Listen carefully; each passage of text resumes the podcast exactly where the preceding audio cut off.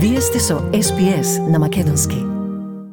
Премиерот Морисон ветува да ја подржи кандидатката во Сиднеј Катрин Дивс и ги отфрла повиците на либералите од Нов Јужен Вилс за алтернативен кандидат. Контроверзија следат кандидатката за Воринга веќе втора недела, бидејќи владата и опозицијата се соочуваат со, со ситуација со која може би ќе мора да преговараат со независни пратеници, а анкетите покажуваат дека изборите би можеле да завршат без мнозинство во парламентот.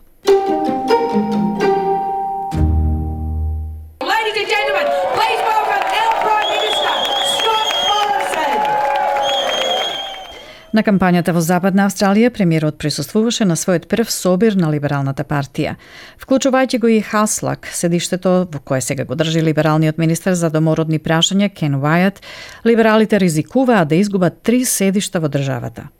Лабористите го гледаат изборното место како пат до победата, но најновите анкети покажуваат дека примарните гласови се мали и дека двете партии се рамо до рамо, според бидејќи постои можност двете страни да бидат принудени да формираат малцинска влада. Како што најави Скот Морисон во Перт, таа можност ја отврлаат и двајцата лидери. Now, I won't be doing any deals with independents. If we had three years of an unstable and uncertain parliament uh, with all sorts of deals being done on this day and that day. That's not the stable and certain um, leadership that this country needs.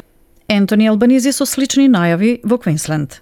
There will be no deal with the independents and crossbenchers. I'm the only person running for Prime Minister who can form government in their own right. И покрај овие негирања, веројатноста за таков исход се зголемува. Најновата анкета Newspol сугерира дека првичните гласови на двете големи партии се под 40 на 100. Ова може да резултира со парламент без мнозинство, што последен пат се случи во 2010 година за време на лабористичката влада предводена од Джулија Гилард.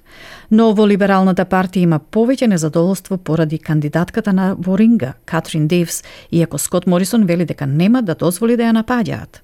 I'm not going to allow her to be pushed aside as the pylon comes in to try and silence her.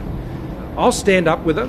Um, my team's standing up with her and we will make sure that she won't be silenced. Скот Морисон повторно ја подржа одлуката за Дивс како кандидатка за изборното место во Сиднеј, кое моментно го држи независната Зали Стегал.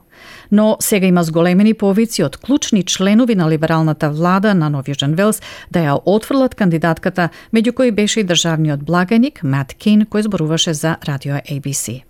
I don't think having candidates that want to uh, spruik the politics of division is in the interests of the party or in those in the interest of those particular candidates. Ентони Албанизи исто така укажува на загриженоста што се чувствува на сојузно ниво. This is a debate uh, that is divisive uh, within the community, but it's also uh, divisive within the Liberal Party. You got Trent Zimmerman there in North Sydney, in the seat next to Warringah, saying that the candidate for Warringah should be disendorsed. Ова не беше единствената болна точка во кампањата. Лидерите меѓусебно се обвинуваат дека го користат стравот за да стекнат гласови. Либералите за енергетската политика на лабористите, а лабористите за социјалната дебитна картичка. Портпаролот на опозицијското министерство за финансии Джим Чалмерс го обвинува министерот за енергија Енгас Тейлор дека измислува неточни бројки кога завесниците објави моделирање, што покажува дека сметките значително ќе се зголемат според енергетскиот план на лабористите. Now, Angus Taylor has been forced into another absolutely humiliating admission today that the numbers he cooked up and put in the papers are complete and utter rubbish. Angus Taylor has added fuel to the bin fire of lies that this government tells about renewable energy.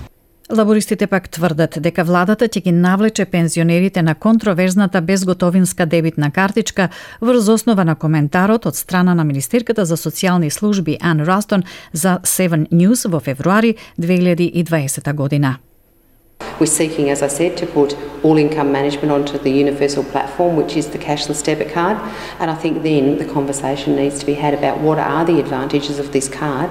Uh, and it's up to us as a government to go and sell those advantages in the hope that the Australian community will see the value of it. Премиерот вели дека лабористите намерно ги плашат пензионерите. It's just simply not true. And the Labor Party should stop frightening pensioners. It is an out and out disgusting lie. И гласачите може да очекуваат да слушнат повеќе пораки од двете страни во текот на остатокот од кампањата. Тоа беше прилогот на Кришани Джани за SBS News. Стиснете, ми се допаѓа, споделете, коментирајте. Следете ја SPS на Македонски на Facebook.